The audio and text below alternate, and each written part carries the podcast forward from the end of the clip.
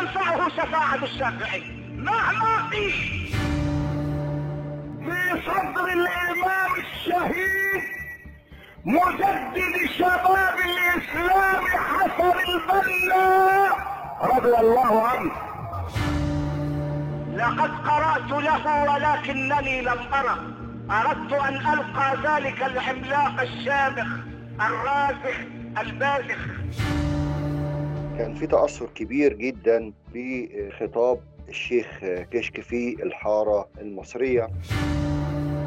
أخطر من في قصة الشيخ كشك وغيره من الدعاة الجدد الذين ظهروا في السبعينيات أنهم أسسوا للفكر الداعشي وهذه حقيقة.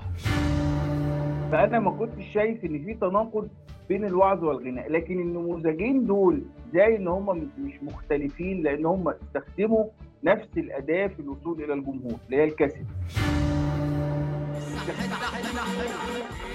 ولذلك الواد اللي بيغني الأغنية اللي ملهاش طعم ولا معنى بتاعت بتاعت التحم جهدي جايبين عنه كلمة الأسبوع اللي فات إنه بيبني عمارة في المعادي. قلت سبحان الله أهو ده الكلام اللي بيبني عمارات وركب مرسيدس.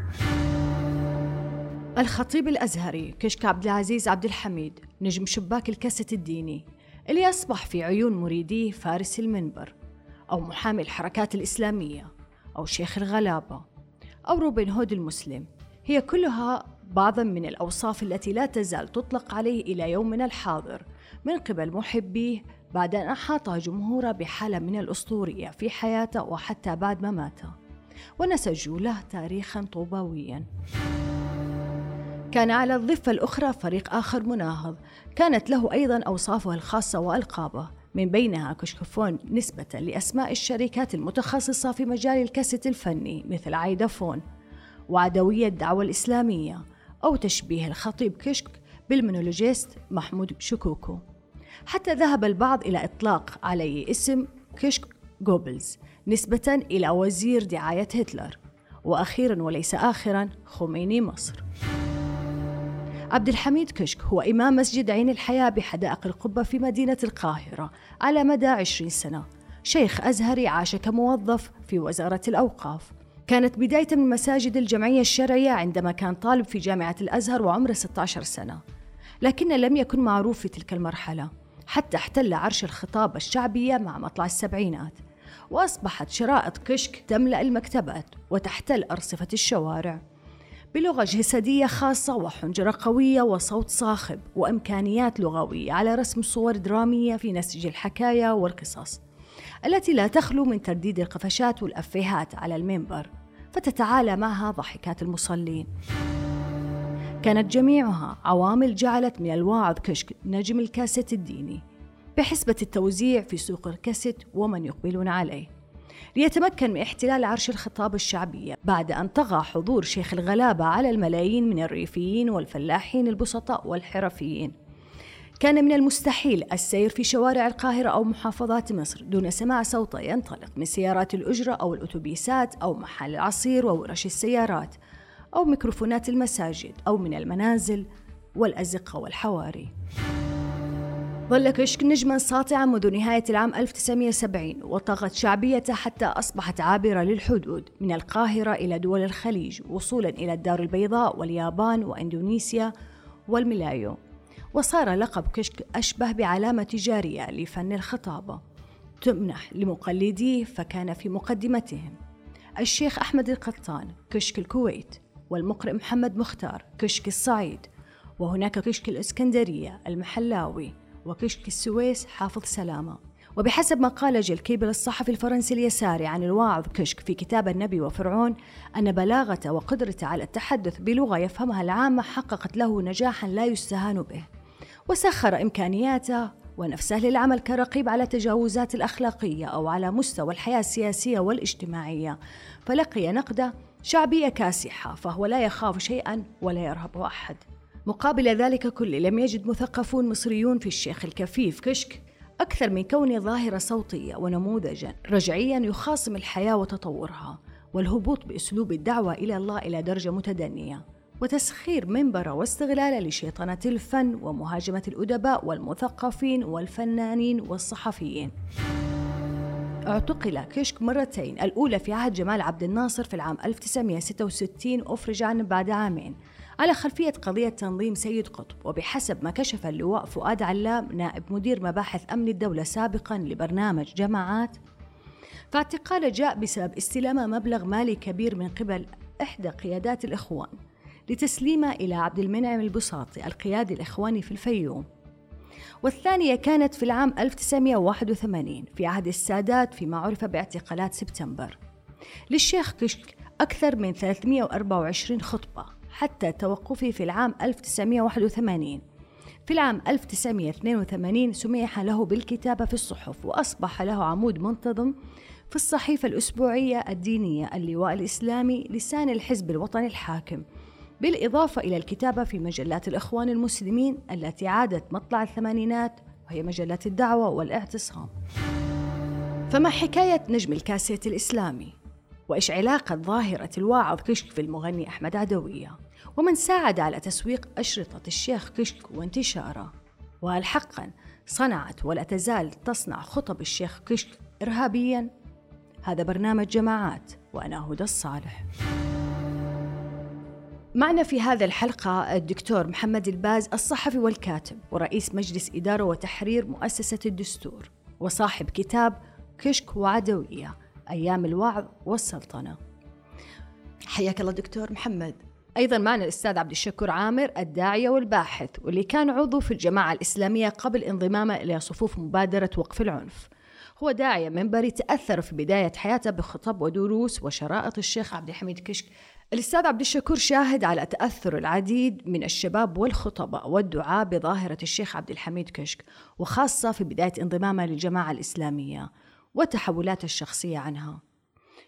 أيضا معنا الدكتور محمد إبراهيم أستاذ التاريخ الإسلامي بجامعة بني سويف وأحد من درس ظاهرة دعاة الكاسيت أو دعاة مساجد السبعينات وتأثر المجتمع بهم في الأسواق ومحلات العصير والأتوبيسات. له كتاب مهم بعنوان حارتنا كان يا مكان قدم فيه ملاحظات وصفية دقيقة عن الحارة المصرية وظواهرها.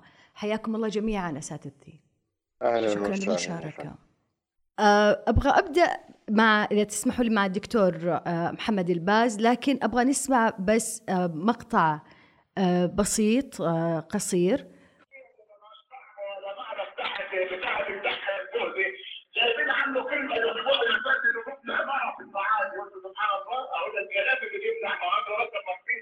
ومش مرسيدس بس مرسيدس خنزيره خنزيره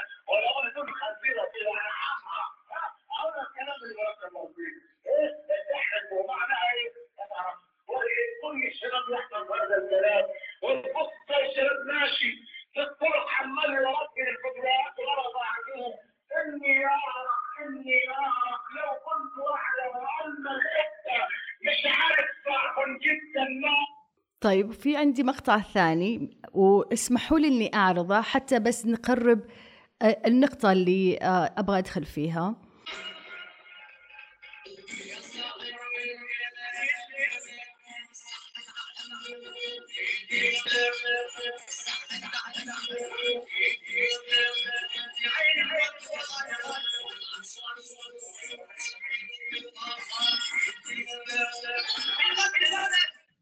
طب أنا أعتقد إن الفكرة وصلت. أنا إيش المقصود بعرض لمقطع آه، من إحدى خطب الشيخ كشك اللي كان ينتقد فيها أو يسخر من كلمات السح الدحم بو للفنان أحمد عدوية.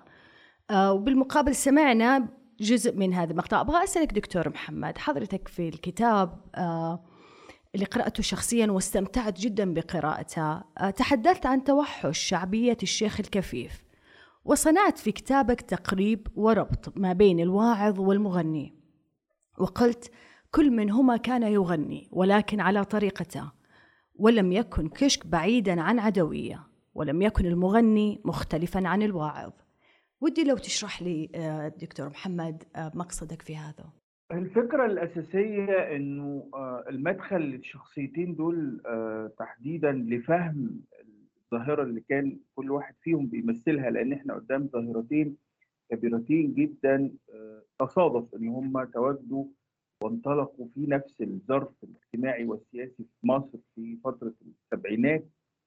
آه، هو دراسة إنه التأثير الطاغي للشخصية اللي بتحظى بكل هذا القدر من الشعبية في الوجدان المصري. والحقيقة لما نبص للشيخ كشك والفنان أحمد عدوية من هذه الزاوية تحديدا أو من هذا المدخل تحديدا فبنلاقي إن كل واحد منهم تقريبا يعني لا يختلف عن الثاني في تأثيره. رغم آه، ابتعاد المحتوى يعني الناس بتتعامل إنه هذا آه، داعية يتحدث في الدين ده مطرب حتى مطرب شعبي كمان بيختلط مع المزاج المصري في مساحات كثيره جدا. من صور وتعبيراته لأنه آه، ويمكن سخرية الشيخ كشك من عدوية كانت في هذه المساحة. أنا كنت شايف إن هم متشابهين جدا.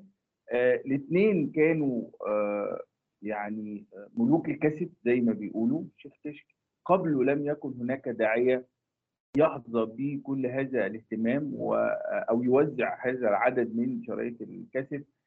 كانت موجودة زي ما حضرتك أشرت في المقدمة تقريبا الناس تسمعها في كل مكان يعني بيسمعوها في البيوت في المواصلات العامة في آه، محلات العصير في التاكسيات. عدوية أيضا لما ظهر يمكن ال ال الشريط بتاعه هو كان كان وقتها اسمه شريط كاسيت يعني.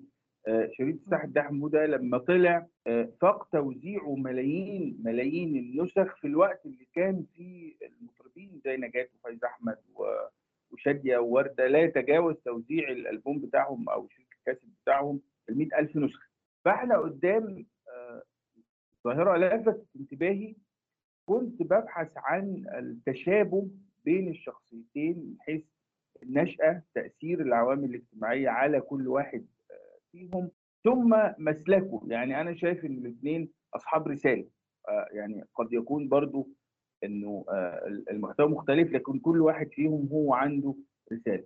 أنا شايف إنه اللي تفوق وبقي أحمد عدوية لأنه هو لم يتم استخدامه سياسيا. الشيخ تشك تم استخدامه سياسيا وعايز أقول إنه تم استخدامه سياسيا من قبل الجماعات أو التيارات الدينية الجماعات المتطرفة على رأسها جماعة الإخوان المسلمين وتم استخدامه أيضا من قبل سلطة الرئيس السادات. وهنا ممكن الناس يعني يعني يتعجبوا من هذه الازدواجية.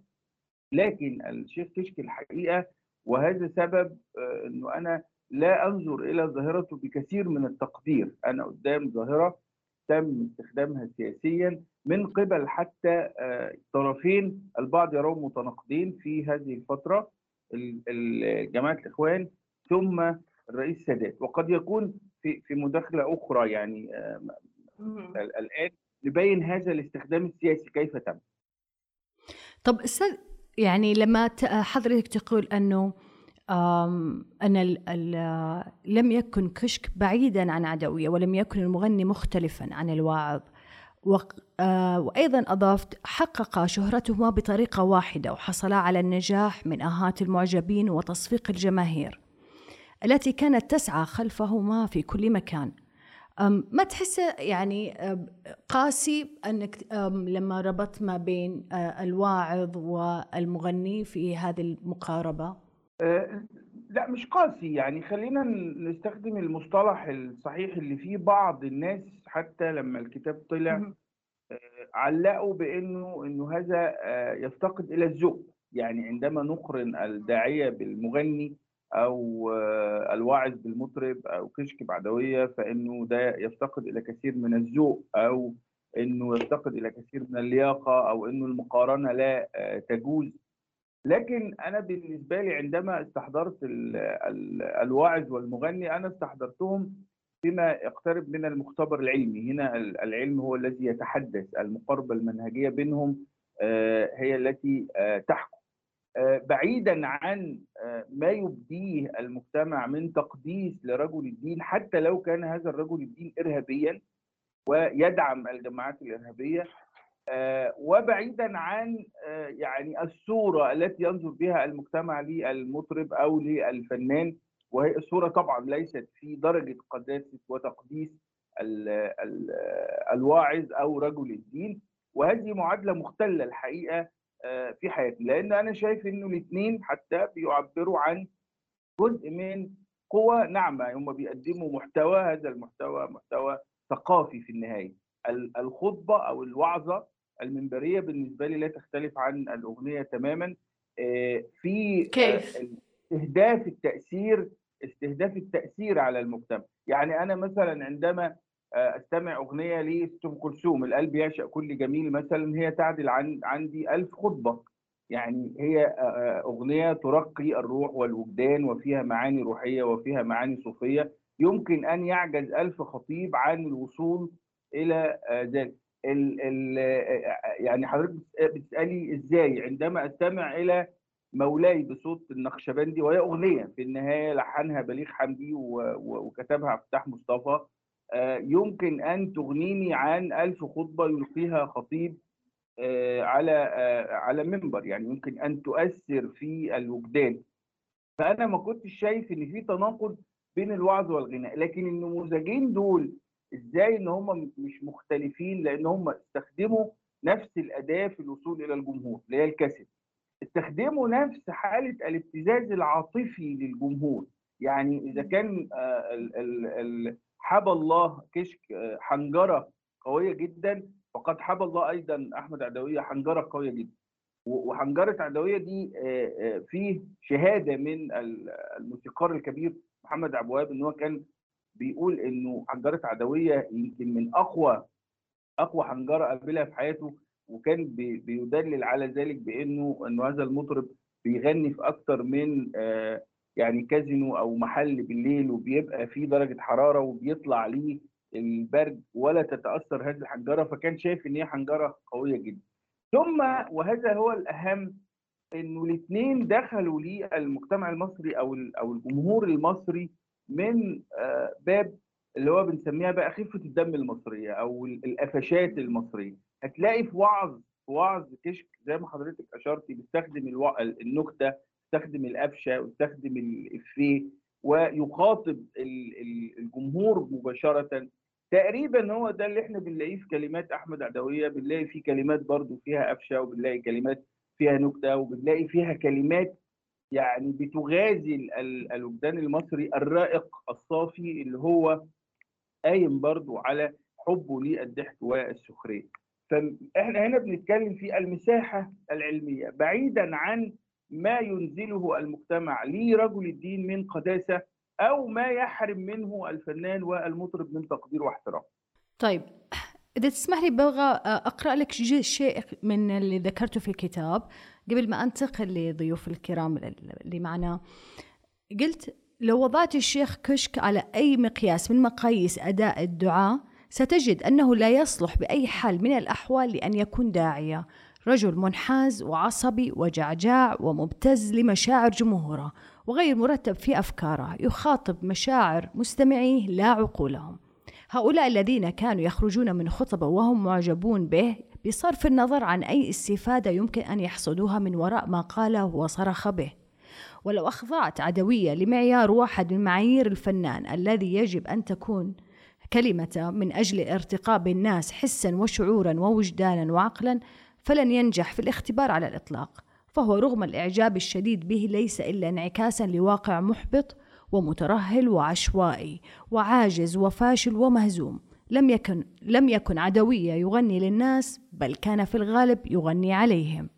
حضرتك آه، شفت أن كلا الظاهرتين ظاهرة كشك وظاهرة آه، الفنان أحمد عدوية أو أغاني نمط الغناء يعني شب يعني كلهم يعني وضعتهم في نفس القالب في ضمن وضع سياسي أو ظروف أم، سياسية واجتماعية كلهم يعني يعكسوا نفس المرأة صحيح؟ معاكي طبعا. أنا بس عايز أشير لحاجة إنه هنا كل واحد فيهم بيمثل ظاهرة خاصة بيه ولا يتم ال- الانتقاص من قدره حتى ما ذكرتيه من من الكتاب. لأنه لو جينا ننظر إلى الداعية أنا الداعية ده أنا المفروض عندما أجلس أمامه فأنا أستمع باخد منه معلومة باخد منه آه، علم باخد منه آه، رأي. إنه الداعية ده يخاطب عقلي ويخاطب قلبي في نفس الوقت. آه، إنه يغلب عليه فكرة ال- المحاضر اللي هو بي- بيفهم الناس اللي قاعدة قدامه. إنه أنا أخرج بحصيلة من استماعي إلى هذا الداعي. لما نيجي نحط كشك على ده لا إحنا بنتكلم على آه، وقد يعني اعتذر عن التعبير بنتكلم عن نمرة يعني هو الرجل يؤدي يؤدي دور أو يؤدي نمرة ونجح فيها جدا باستخدام كل هذه القدرات يعني هو الراجل عنده قدرات خارقة لا أحد آه، ينكرها عليه لكن آه، تراث الشيخ كشك ال- ال- العلمي لا يوجد له تراث علمي حتى كتاباته. اللي كان بيكتبها في ال- ال- اللواء الإسلامي وتحولت إلى كتب. لو جينا نراجع اللي قاله إحنا بنتكلم عن آه، رجل دعاية فجة لأفكار معينة ولمصالح معينة هو كان بيقف وراء.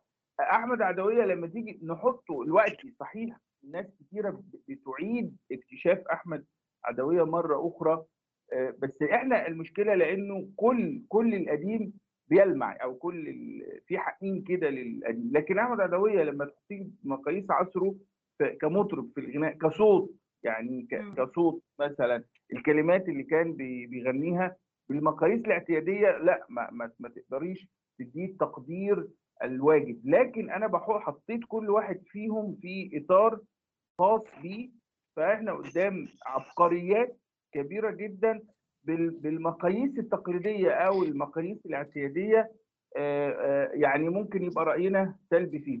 فأنا كنت ببحث عن ال- التشابه والاختلاف مع الاهتمام الشديد جدا بالتأكيد على إني قدام ظاهرتين كبيرتين متعدية للأجيال. يعني هذه ظواهر عابرة للأجيال. أنا عندي الشيخ كشك مات سنة آه، 96 يعني بنتكلم في في 26 سنة بعد وفاته وكأنه آه، يعيش ومؤثر وبنتكلم عن أحمد عدوية رغم إنه من آه، بداية أواخر الثمانينات بداية التسعينات يعني تقريبا بعد الحادث الشهير اللي اتعرض ليه توقف. وبنتكلم عنه النهارده. بعد حوالي 23 24 سنة بنفس ال- ال- المقياس. فده دي قوة الظاهرتين إن رغم اختفائهم واحد بالموت وواحد ب يعني التراجع الشديد لكن بنعمل عنهم النهارده حوار وبنتكلم عن تأثيرهم لازم يعني يعني آه، هل ظهورهم مع بعض في آه، في في نفس الوقت بسبب ال- ال- الظرف السياسي والظرف الاجتماعي؟ يعني إذا لم يكن مثلا آه، كشك ما كان عدوية؟ لا طبعا هو هو بس الظرف السياسي ليس منشئا ولكن الظرف السياسي داعم للظاهرة. يعني لو لم يكن ظهورهم في أعقاب آه، آه، 67 والظروف السياسية اللي مر بيها ال- الشعب لأنه ال- الشعب المصري والعربي بعد 67 دخل فيما يشبه الغيبوبة ال- السياسية والفكرية وده اللي خلى مثلا آه، آه، طوائف كتيرة جدا تلقي بنفسها في أحضان الدين مباشرة إنه اتقال إن إحنا اتهزمنا عشان بعيد عن ربنا فلجأ ناس كتير للدين وبدأ طغيان الجماعات المتطرفة من بعد 67 لكن لو ما كانش الظرف ده موجود كان بقى عندنا ده خطيب اسمه كشك ومطرب اسمه أحمد عدوية لكن الظرف السياسي منحهم كل هذا الزخم. يعني ال- الناس آه، ال- اللي كانت محتاجة لخطاب ديني مختلف حماسي آه، قوي. بي- بي- يعني بيداعب مشاعر ال- الناس بيتحدى السلطه بشكل كبير جدا.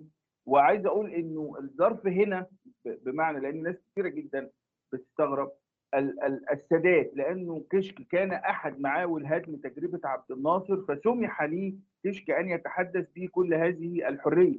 يعني لو أن العصر الذي ظهر فيه آه، كشك كان عصر منحاز لجمال عبد الناصر ما كان استطاع كشك أن يحصل على كل هذه المساحة شرعيا أو آه، بوابة مرور كشك أنه كان أحد الذين أساءوا وهدموا تجربة أو حاولوا هدم تجربة عبد الناصر. صحيح كان يفعل ذلك هو بدافع ذاتي لمصلحة الجماعة الإرهابية جماعة الإخوان الإرهابية التي تناصب عبد الناصر العداء، لكن السادات كمان استفاد آه، بيه. نقطة نقطة مهمة كمان بقى في ظاهرة عدوية إنه آه، ال- الناس في مصر زي زي فترة قريبة مثلا لما الناس كانت بتسمع أغاني المهرجانات. صحيح. في, في, في, لحظة معينة الناس بت بت يعني بتميل إلى بقى إيه تسمع مثل هذه الأغاني اللي هي لا تدخلها في أي يعني مساحات آه، فكرية. الوجدان غير رائق. في حالة تشوه كانت آه، موجوده فالظرف السياسي هنا خدمهم ومنحهم زخم لكن طبعا الظرف السياسي ليس منشئ. كان مو... كان هيبقى موجود عدويه وكشك لكن كانوا هيبقوا أفراد عاديين. ده داعية عادي جدا وده مطرب شعبي عادي. أيوه. طب أستاذ آه، دكتور محمد آه، إبراهيم أبغى أسألك من حيث تخصصك آه، وكتابك تناولت فيه الحارة المصرية. الحارة المصرية بتنوعاتها المختلفة ال- نتكلم المرأة والطفل والشيخ آه، وأيضا الطوائف المسلمين والمسيحيين.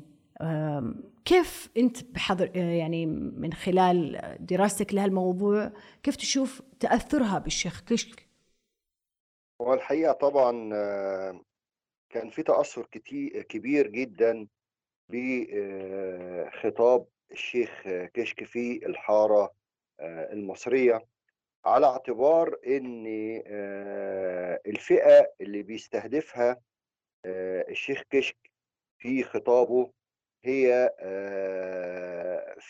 آه، طبقات اجتماعية آه، متوسطة أو طبقات دنيا. فده آه، بشكل مباشر على هذه الطبقات إنها استجابت لهذا الخطاب آه، بدليل إن آه، وأنا شفت دون بعيني يعني إن بعض ال- الورش وبعض ال- المحلات والدكاكين آه، كان يحلو لها دائما أن آه، تجرب أو تشغل الشرايط بتاعة آه، الشيخ كشك لدرجة إن آه، بعض المصطلحات اللي كان بيسقها آه، في بعض خطب الخطب بتاعته آه، أصبحت على لسان هذه الطبقات. يعني مثلا آه، صل على الحبيب قلبك يطيب.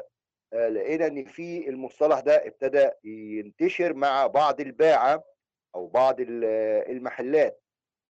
أيضا محاولته التركيز على بعض القضايا الخاصة بالانحرافات في المجتمع المصري زي الر- الرشوة و- وزي ال- ال- الغناء والتلفزيون اللي أطلق عليه ال- المفسديون. ده آه، أدى إلى أن بعض آه، الطبقات الشعبية التي تحتمي دائما بالدين أنها تستجيب آه، لهذا الخطاب. وهنلاحظ أن الفترة اللي كان بي- بي- بيعمل فيها بي- بيخطو فيها الشيخ كشك هي موازية لصعود حاجة عندنا في الزي المصري اللي هو الحجاب. فبنلاحظ إن ظاهرة الحجاب بدأت برضو تنتشر بتأثير آه، الشيخ آه، كشك. طب آه، يعني هذا كان التأثير على المرأة يعني أصبح مثلا تغطية الوجه ومثلا تغطية اليدين كان هذا المظهر ال- البارز في ذلك الوقت. تمام. طيب أستاذ محمد لماذا أطلقت عليه أنه من دعاة الخطاب الديني؟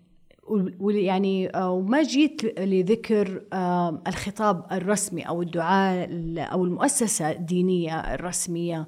يعني هل حضرتك في الحارة المصرية؟ هل يعني تشوف أنه كان طاغي آه، في هذه الحارة المصرية وكان بعيد ال- ال- المؤسسة الدينية الرسمية بعيدة عن المشهد في الحارات؟ آه الحقيقة فعلا يعني حضرتك آه، آه، الطبقات الفقيرة أو الطبقات ال- الشعبية مش حريصة قوي على متابعة آه، القنوات الرسمية آه، الدينية باستثناء طبعا إذاعة القرآن الكريم اللي هو الاستماع للقرآن الكريم في الصباح. أضف إلى ذلك إن ما كانش في نجوم على الساحة آه، يقدروا ينافسوا الخطاب بتاع الشيخ آه، كشك آه، في ذلك الوقت. مع إن إذا تسمح لي دكتور كان في الشيخ الغزالي وكان في الشيخ الشعراوي. أيوه بس الشي- الشيخ الغ- الغزالي يعني كان آه، يقرأ أكثر مما يسمع. آه، الشيخ الشعراوي آه، نحى منحى آخر وهو إيه؟ تفسير آيات القرآن واستخلاص بعض الأحكام بأسلوب آه، سهل آه، يحاول إن هو يقرب للبسطاء. أما عبقرية الشيخ كشك إن هو آه، مس وجدان الشعب المصري في قضايا آنية. يعني هو ممكن لو في حادثة حصلت من يوم أو يومين فده يبقى أول جزء بيقوله في الخطبة بتاعته. يعني على مدار السبع أيام أو الخمس أيام قبل الخطبة ممكن المواطن العادي يعرف أحداث كتير جدا حصلت بيعلق. عليها الشيخ كشك أضف إلى ذلك برضو آه، إحنا عندنا في في الوعي آه، الشعبي النظر إلى آه، الكفيف والتعاطف معه على اعتباره إن هو يستحق ال- العطف فلما الشيخ كشك يحاول إن هو يستغل الجزئية دي لما يقعد يحكي عن السجون واللي حصل له في السجون وكأنه يصور نفسه على أنه بطل شعبي أو بطل لفئة الغلابة فهو بيعبر عنهم في ذلك الوقت. فده هيكون مسموع أكتر لدرجة إن الشرايط بتاعته كان بيتم استعارتها وتداولها آه، بين الناس آه، على أوقات آه، متفرقة. يعني كان لأنه خطاب مناهض لل- للدولة ممكن هذا السبب اللي خلى عنده هذا الشعبية؟ هو- هو يعني إيه إلى حد ما آه، زي ما بنقول إيه صوت الغلابة. يعني ال- ال- مم. الغلبان أو الفقير اللي ما بيقدرش يعبر آه، عن رأيه أو خايف إن هو يعبر عن رأيه ما بيصدق إن هو يلاقي حد يعبر له عن هذا الرأي. وكأن الشيخ كشك هو المتنفس للإنسان المصري آه، سحاقته زي ما بنقول أو الحياة الاقتصادية فبيحاول إن هو يلاقي نفسه أو آه، يستمتع بما يطرحه آه، الشيخ كشك وكأنه هو لسان حال الغلابة كما كان آه، يدعي البعض خاصة أنه كان يتطرق لموضوعات حياتية يومية يمكن السلطة السياسية ما كانتش واخدة بالها منها. يعني غلاء الأسعار والطماطم وحاجات كتير جدا. كان ممكن الشيخ كشك إيه يتحدث عنها فكأنه آه، يبوح بما آه، يحاول ال- الإنسان المصري التعبير عنه. أيوه. طب اسمح لي أبغى أنتقل للأستاذ عبد الشكور عامر.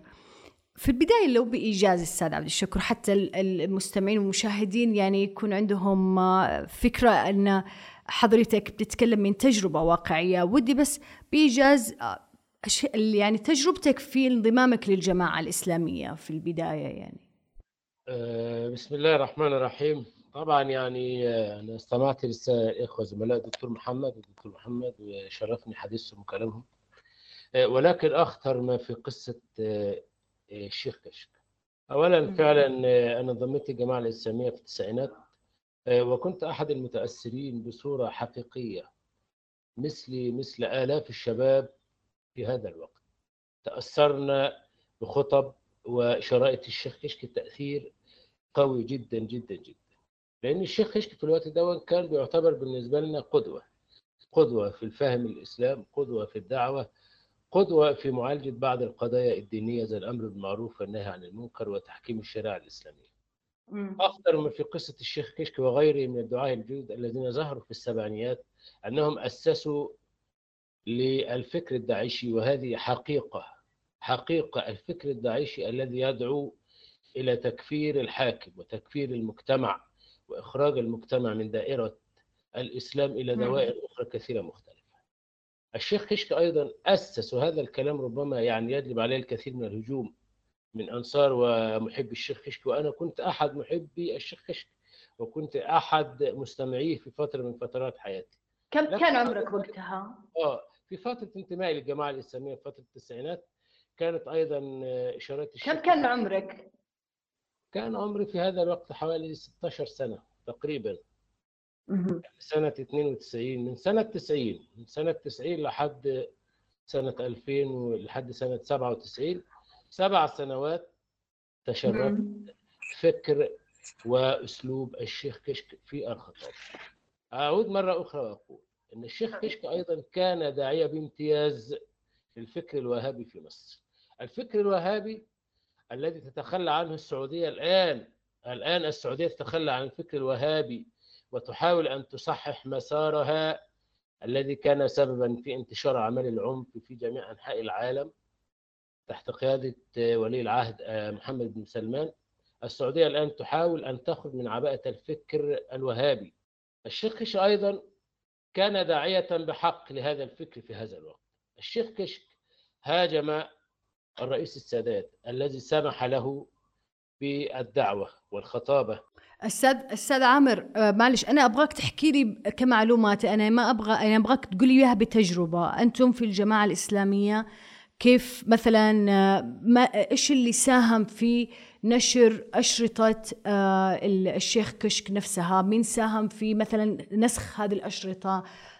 كيف كانت يعني تتروج فيما بين الشباب؟ كيف أصبح الشيخ كشك وتم تصديره آه، الدول الأخرى؟ يعني المجاورة صار مقلدين له في الكويت في السعودية في دول عديدة في آه، ليبيا يعني بنلاقي نماذج مختلفة. آه. هو طبعا الشيخ كشك ظهر في فترة كما ذكر الدكتور محمد الباز في فترة تلت النكسه اللي هي هزيمه 67 في هذه الفترة اعتقد الناس أن ما حدث في 67 هو بسبب بعدهم عن الدين الإسلامي بسبب بعدهم عن تعاليم الدين. فكانت فرصة سانحة للشيخ كشك أن يعتلي منصة الدعوة وأن يوجه الشباب حيثما أو حيثما يريد. الشيخ كشك تم تصديره من قبل جماعة الإخوان المسلمين والتيار الديني المؤثر والمتجذر في هذا الوقت والجماعة الإسلامية وغيرها من التيارات الدينية التي كانت متجذرة تم تصديره للعالم الإسلامي وتم تأثيره للدول العربية وتم تصديره للشباب في جميع أنحاء العالم على أنه النموذج المثالي للداعية المثقف الداعية الحريص على الدين الداعية الداعي إلى دين أو الرجوع إلى الدين إلى جذور طب أقول لي آه، أستاذ عمر أرجع أستاذ عبد الشكور. أرجع وأكد علي أنا أبغى نحصر على معلومات أستاذ عبد الشكور. تقول لي في ذاك الوقت يعني قصص أنتم كشباب في الجماعة الإسلامية حضرتك قلت إنك أنت تأثرت في ك... تقول لي مثلا أنتم في شباب وين تسمعوا مثلا الكاسيتات؟ كيف؟ شو الأبرز الخطب اللي تأثرتم فيها؟ ابرز الكتب طبعا اللي ظهرت في فترة ظهور الشيخ كشك كتاب الطائفة الممتنعة عن تحكيم الشريعة الإسلامية كتاب الأمر المعروف والنهي عن المنكر كتاب ميثاق العمل الإسلامي للجماعة الإسلامية وكل هذه الكتب وكل هذه الأفكار تتمحور حول تكفير الحاكم تغيير المنكر باليد بالقوة بقوة السلاح وهذا ما فعلته الجماعة الإسلامية متأثرة بأفكار الشيخ كشك وغيره من الدعاة الجدد كالشيخ كشك والشيخ المحلاوي والشيخ سلام حافظ وغيرهم والشيخ المقر الشيخ محمد مختار مصطفى مختار. أحد قيادات الجماعة الإسلامية والدعاة في الجماعة الإسلامية كل هؤلاء تأثروا بفكر الشيخ كشك وبأسلوبه. الشيخ كشك كان يتبنى التلقائية والارتجالية في خطاباته. الشيخ كشك كان دائما ما يسقط الأحكام الشرعية والنصوص إلى أي مدى كانت ارتجالية الشيخ كشك وهيئته؟ يعني حتى هو رغم أنه أزهري لكن لم يرت يعني ما كان يحط على آه، العمة يلبس طاقية يحاول يلبس اللبس الرجل المصري العادي يعني بالثوب أو الجلابية ما أدري كيف بتقولوها عندكم وبيطلع بشكل الرجل العام في الشارع. نعم الشيخ كشك كان أزهريا وخريج كلية أصول الدين وأول ما عمل عمل خطيبا وعرض عليه العمل معيدا بكلية أصول الدين ولكنه رفض ولم يجد نفسه إلا في الدعوة. الشيخ كشك تأثر بفكر أبي الأعلى المودودي وسيد سابق وتأثر أستاذ أستاذ عبد الشكور أرجع أقول لك أبغاك تحكي لي تجربتك الشخصية بعيدا أن أنا يعني في معي الأساتذة بيتكلموا لي بالجوانب الفكرية. أنا أبغى حضورك قوة حضورك معي بالتجربة الذاتية.